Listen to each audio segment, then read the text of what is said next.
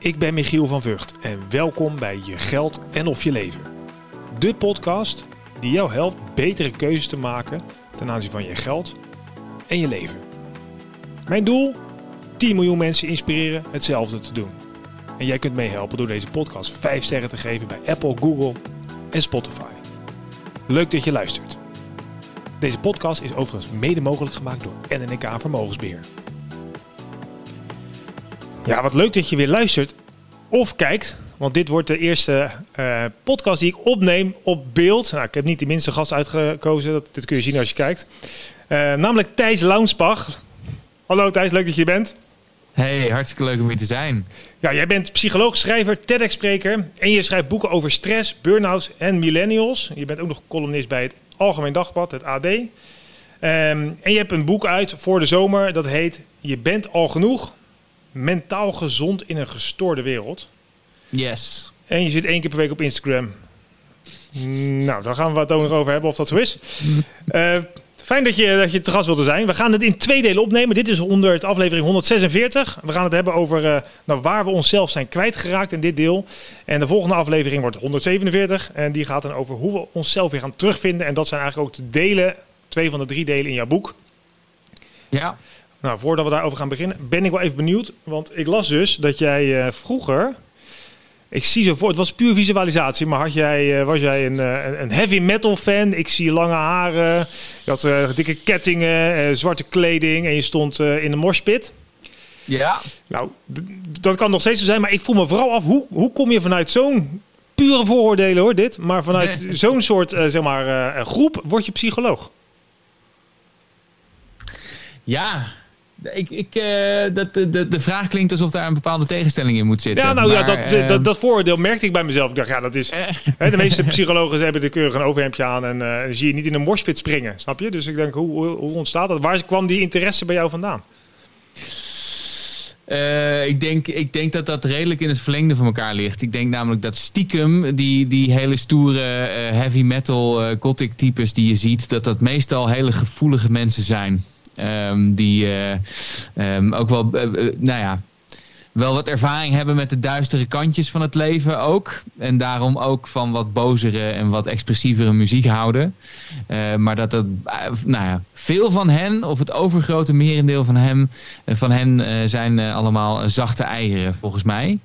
Dus zet mij, ik wil, ik, ik, zou elke, elke dag uh, in een moshpit bij een death metal concert verkiezen boven in de arena naar een, vo een voetbalwedstrijd kijken. Qua zachte aardigheid van het publiek.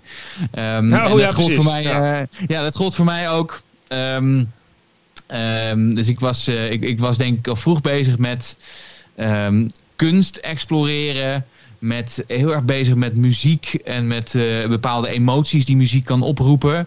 Want vaak is dat met van die, van die zware heavy metal muziek is dat ook wel hè, boosheid of frustratie. Maar er zit er ook vaak iets heel melodisch in en iets heel melancholisch ook in. Dus het gaat vaak over de wat duistere kanten van het leven. Um, en uh, dat, dat past denk ik heel goed bij mijn, uh, bij mijn loopbaan al als, als psycholoog. En um, ik heb op een gegeven moment wel, dat, daar schrijf ik ook over in het boek, ik heb een soort transformatie ondergaan. Uh, toen ik um, een jaar of veertien was, daarvoor was ik een beetje meer een soort, nou, een, een, een beetje een stuutje, een beetje een nerdachtig type. En ook wel iemand die veel alleen was en die niet makkelijk ergens bij paste. Um, en toen was ik een jaar of veertien en toen leerde ik op de over de zomervakantie, hè, op de zomervakantie een aantal mensen kennen die heel erg into heavy metal waren. Um, en to, toen, toen veranderde ik als mens. En toen dacht ik, oh, dat wil ik ook. En raakte ik daar ook heel erg geïnteresseerd in. Um, en het grappige, uh, het grappige was toen ik dan weer op school kwam, dat was zo in de derde klas volgens mij. Um, zag ik er dus heel anders uit. Hè? Dat net ja. al. Uh, lange leren jassen, lang haar, uh, spikes op een ketting, um, Iron Maiden shirts. Uh, en um, toen vond ik ook in, in een beetje de, de alternatieve mensen bij mij op school ook een soort groep om bij te horen. Ja, ja precies. Um, dus ik, ik kreeg opeens een soort community waar ik bij hoorde daardoor. Er was altijd iemand, iemand, uh, om mee te praten. Er was altijd wel iemand om mee naar een concert te gaan. Um, en ik had mensen die min of meer dezelfde interesses hadden nu opeens om me heen. Um, en ik kreeg ook een soort uh, taakje in die, in die groep. Want ehm, op een gegeven moment kwam, eh, kwam men erachter dat ik best een beetje goed kon luisteren en kon doorvragen. Ehm, en werd ik ook een beetje de, de psycholoog van die groep. Um, en uh, dat, dat werd een beetje mijn functie ook. Dus ik wilde ook graag. Uh, ik dacht, nee, dat, ik heb iets, gevonden waar, waar, waar mijn talenten ligt. En waar, waarbij ik ook van dienst kan zijn voor anderen. Um, uh, en, en me nuttig kan maken. Dus dat werd ook wel eigenlijk het begin van dat idee om maar psychologie te gaan studeren. Oh, wat grappig joh. Ja, ik herken wel trouwens. Want ik zat in een. Uh, ja, dat zou ik nou niet zeggen. Ik heb een t-shirt aan. Deze opname speciaal uitgezocht. maar ik, had een, ik was van de, dubbele, de drie, twee, drie dubbele kragen. Die had je vast misschien bij jou ook op school. Weet je, een hoekje hockeyers met lange haren. Met, met, dat was van de kakkers. Die, die, was ik, ja precies. En dan hadden wij natuurlijk... Ah, eh, we hadden ook een groep alto's en een groep... Nou, al die groepjes. Waarschijnlijk een mooie vormende periode uh, rond die leeftijd... waarbij je zoekt uh, iemand die op je lijkt of zo. Ja, dat is ook wel mooi. Je, je past in zo'n. Dus het is een heel sociaal proces natuurlijk. En dat is ook. Ik schrijf daar in, in mijn boek uh, ook over. Zeg maar de dingen die je op school leert. En dat zijn lang niet altijd de dingen die je in het, in het klaslokaal leert. Zeg maar. Hè? Dat zijn ook vaak deze dingen. En het gaat heel erg over het sociale geheel. En je leert ook bij andere mensen horen. En het is ook wel mooi met dit soort nou ja, dit soort identiteiten of dit soort groepen, dan, dan, dan meet je jezelf een beetje een soort jas aan. Hè? Van hey, past dit bij mij? Is dit het soort het soort groep waar ik bij hoor, zeg maar. En dat is natuurlijk ook heel belangrijk. Dus die sociale, dat, dat, dat sociale, die sociale aspecten van het leven leren, naast ook jezelf beter snappen en leren begrijpen op die manier, is denk ik een hele uh, belangrijke en vaak ook uh, niet echt erkende functie van school ook. Ja, maar dat schrijf je in deel 3, hè? Dat is een beetje hoe ja. het systeem veranderen. Daar heb je het over, vond ik ja. aardig, ik heb kinderen op de basisschool. Zelfreflectieve reflectieve ja. vaardigheden leren. Nou, lekker woord ja. voor de basisschool, dacht ik. Maar ik snap je punt helemaal erin. Maar je leert inderdaad uh, rekenen... Zeg maar, sorry. Nou ja, je leert rekenen en uh, weet je wel en uh, dat soort dingen. Maar je leert niet hoe je omgaat als je een slecht of goed cijfer hebt op, met rekenen. Hè? Dat is eigenlijk wat je daarin beschrijft. Ja, uh, ja, dat heb ik eigenlijk altijd opmerkelijk gevonden. Dat je dus, uh, je leert heel veel op school. Hè? Je leert wiskunde, je leert talen, je leert uh, gym staat op het programma. Um, maar wat je eigenlijk niet leert, of wat je eigenlijk tussen neus en lippen doorleert, of buiten het programma om, is al die emotionele vaardigheden. Snappen wat je, nou ja, hoe je gevoelens werken. Wat het betekent als je verdrietig bent. Um, hoe je moet samenwerken met andere mensen. Um, hoe je feedback, feedback kunt geven op andere mensen. Dat soort uh, vrij basale vaardigheden, die dus te maken hebben met ook een beetje naar jezelf leren kijken en bij jezelf naar binnen gaan. Um, die, uh, daar, daar wordt een stuk minder aandacht aan besteed, vind ik, dan eigenlijk zou moeten. Want dat zijn nou ja, dat zijn de dingen die je eigenlijk in je arsenaal moet hebben om jezelf een beetje mentaal weerbaar te kunnen houden in de wereld. Um, hè, dus daar heb je voor nodig dat je een beetje emotioneel wijs bent. Of dat je snapt wat je motivatie is om dingen te doen. Uh, of dat je ook uh, op jezelf dingen kan, kan exploreren. En daar horen dat soort dingen allemaal bij. Maar die worden, uh, worden niet per se als vak op school gegeven. En dat vind ik jammer. Nou ja, en ik zou zeggen, als vader heb ik, kreeg ik het, het, het, de handleiding er ook niet bij toen mijn kinderen werden geboren. Nee. Dus je doet natuurlijk je uiterste best. Maar ja, uiteindelijk soms, uh, ja, waarom is hij verdrietig? En moet ik dan zeggen, oh, je bent gevallen, stel je niet aan. Die wordt er hard van, weet je wel. Of moet ik juist... Ja. Nou ja, je doet maar wat. En uh, ja, ik las in jouw boek, wat ik ook wel mooi vond. Die had een, uh, we gaan een beetje hak op de tak. Maar ergens staat in een hele rits aan emoties. Dus je bent, ik weet niet of het nou om boosheid gaat of verdriet of zo. Maar er staan gewoon wel tien woorden die... Die denkt, oh ja, de, oh ja, standvastigheid is ook een, een emotie waar je iets van kan vinden, weet je wel. Dus het, het, ja. het, al die woorden leren, zeg maar, alleen al door, door, door te lezen, geef je al wel maar inzicht. Maar ja, dat stapt een beetje overheen makkelijk. Ja, en dat is zo. En kijk, ik denk, uh, dat, nou, dat gaat dus allemaal over wat, uh, wat ze noemen emotionele intelligentie. Ik heb zelf ook wel wat moeite weer met dat woord, omdat intelligentie eigenlijk iets anders betekent. Maar hè, laat, laat het, laten we het over emotionele wijsheid hebben. Um, en dat is dus eigenlijk, nou ja, dat is een stukje van je handleiding die je niet zomaar aan het begin van je leven krijgt, zeg maar. Hè? Dat is iets waar je langzamerhand wat wijzer in moet worden. Wat betekenen je emoties? En wat wij weten uit de psychologie is dat, uh, en dat is wat je ook doet in, in psychotherapie, zeg maar, als je naar een therapeut toe gaat, um, is dan leer je woorden geven aan je ervaring. En door er woorden aan te geven en door, door de woorden ervoor te hebben, wordt de ervaring beter te hanteren. Uh, en het, hetzelfde is ook voor, voor emoties zo. Kijk, iedereen kent de vier basisemoties: hè, boos, bang, blij, bedroefd.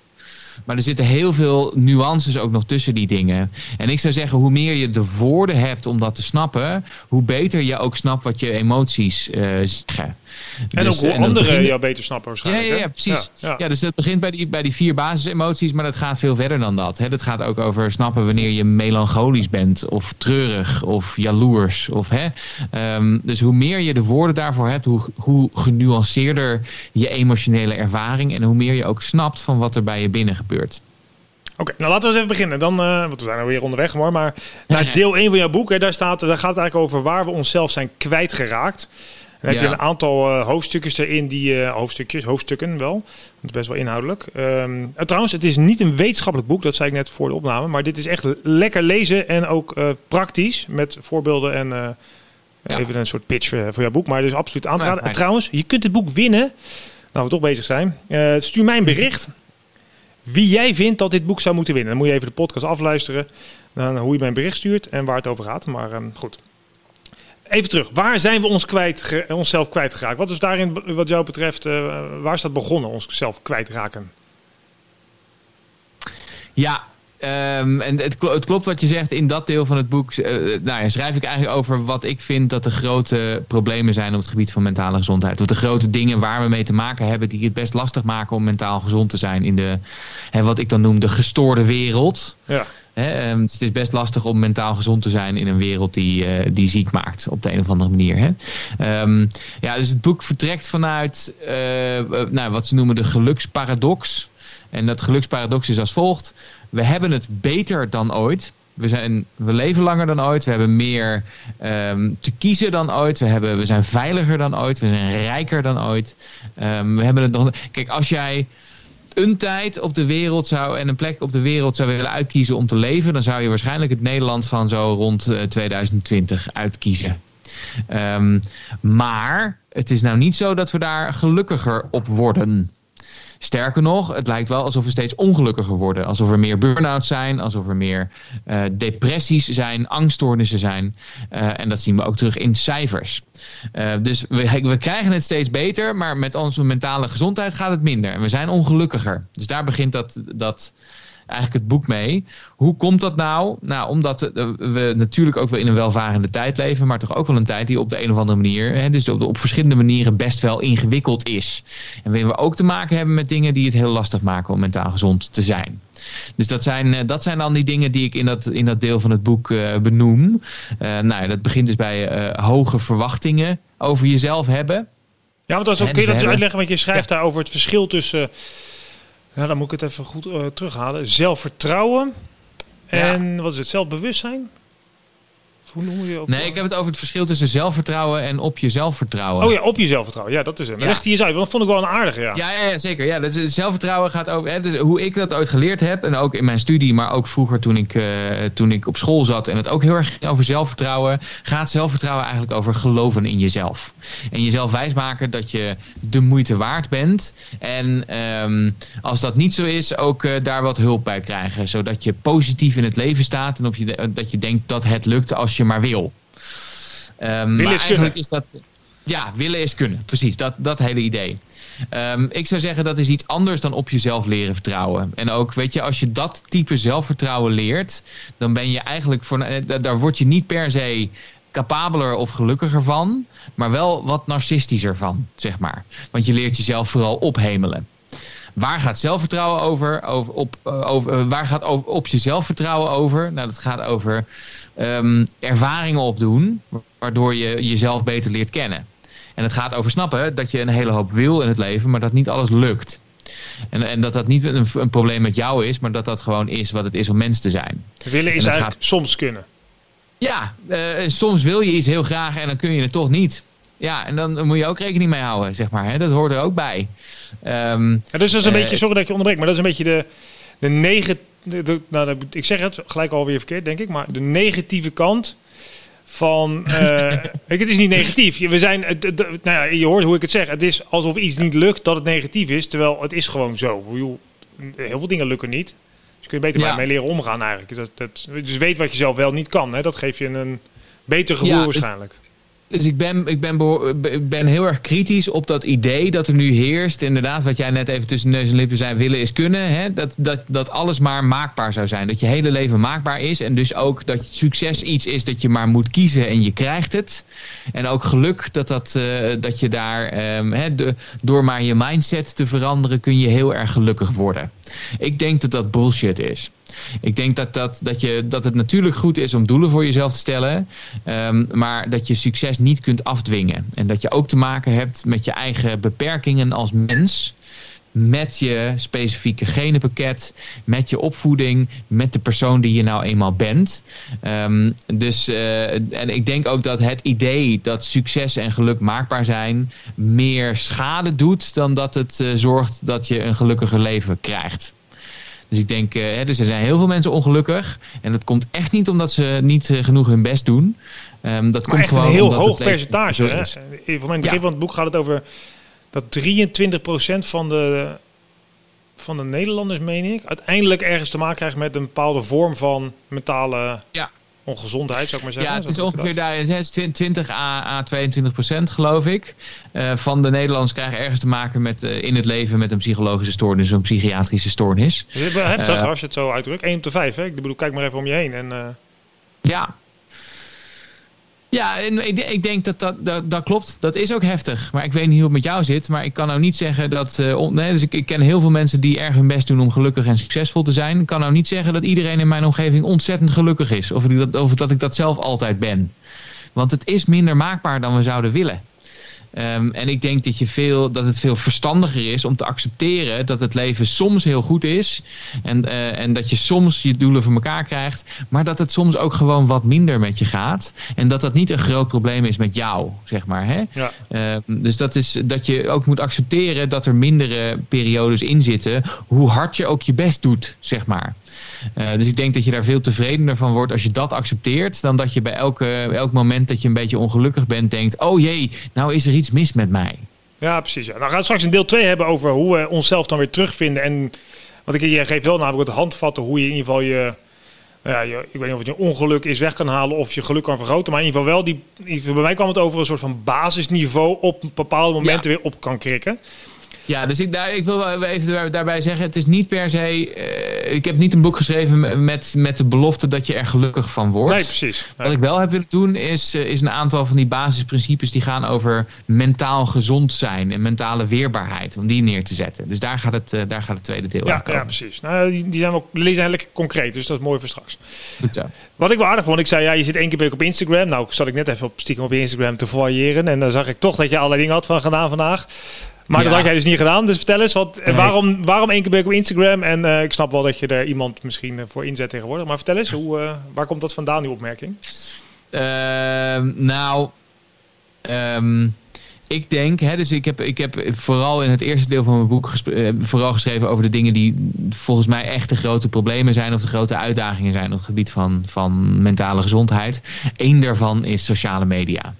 En zeker de sociale media zoals we die nu kennen, eh, die gewoon ongelooflijk goed zijn om jou hoekt te krijgen. En ook ongelukkiger te krijgen. Dus eh, we zijn bijna allemaal in zekere zin verslaafd aan, eh, aan social media. En het maakt ons zeker niet gelukkiger. En het laat, maakt volgens mij ons leven er ook niet beter op. Nou, ik Nou, las hier namelijk iets, wat, ik misschien kan dat... Zeg maar. Ja, je schrijft dat onderzoek wijst uit dat als je 10 uur op social media zit, dat je dan eh, dat de jongeren 56% vaker ongelukkigheid ervaren. Toen las ik die zin Ja. nog een keer goed. Toen ging het niet eens over 10 uur per dag. Het was 10 uur per week. Ja, Dus ja, 10 dat, dat, per- dat, dat doet iedereen bijna, weet je wel.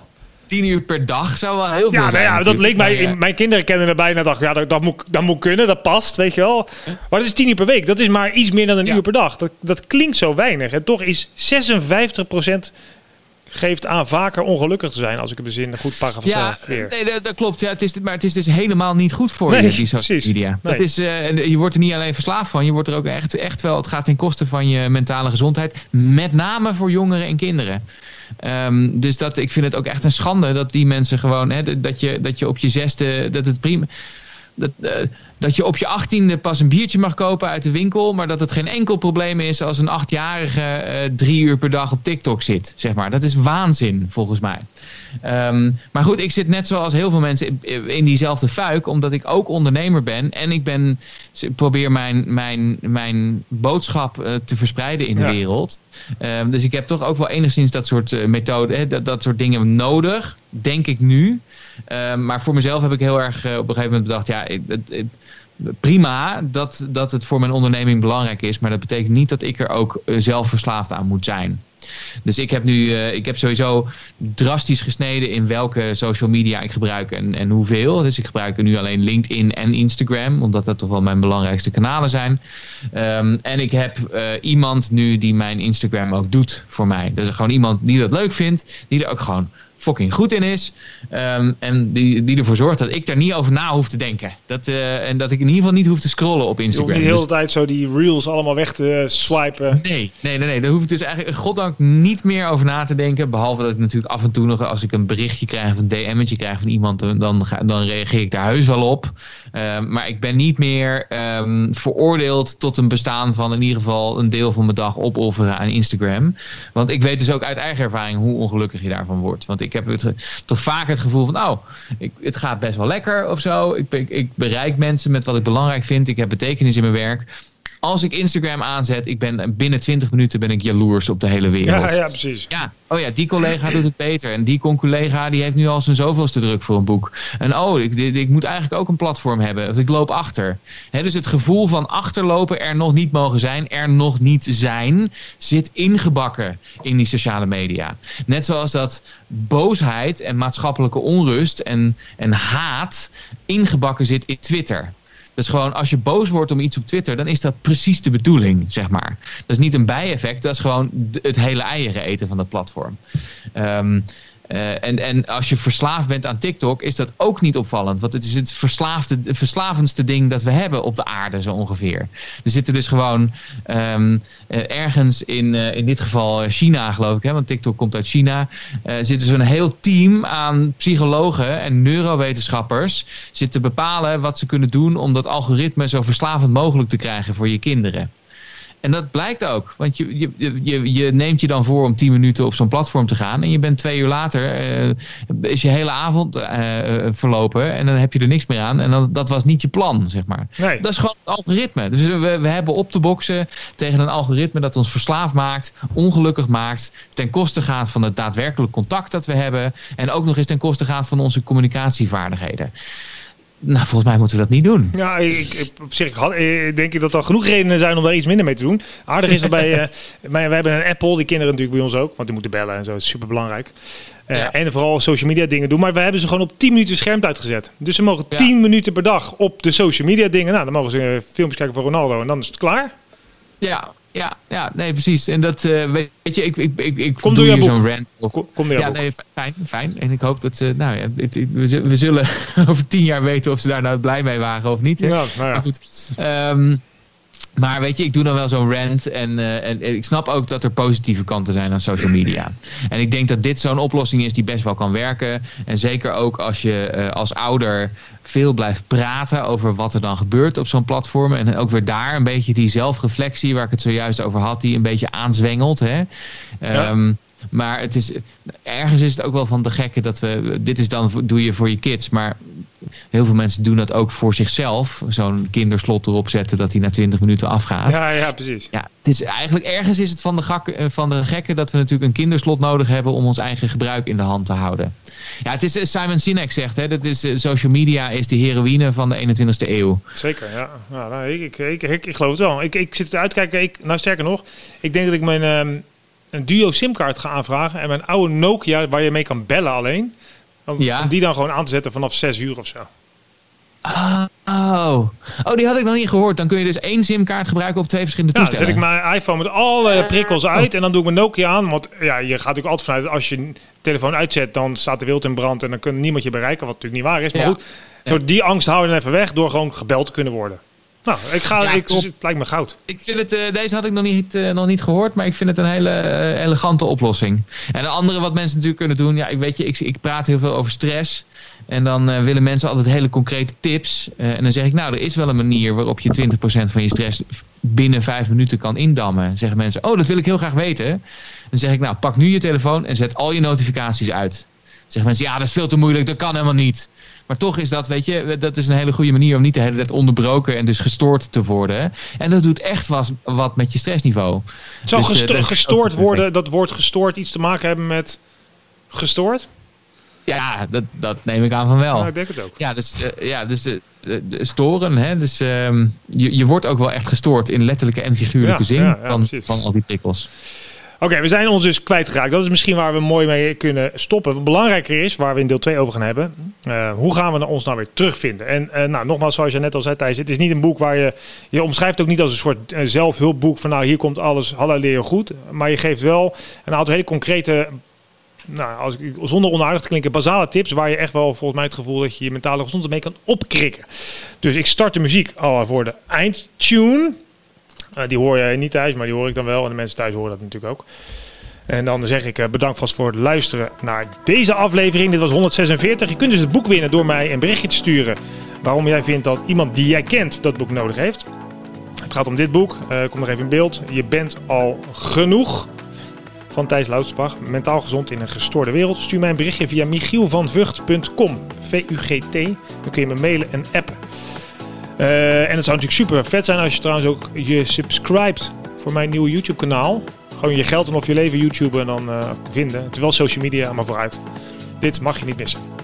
Hm. Eh, tot eh 147.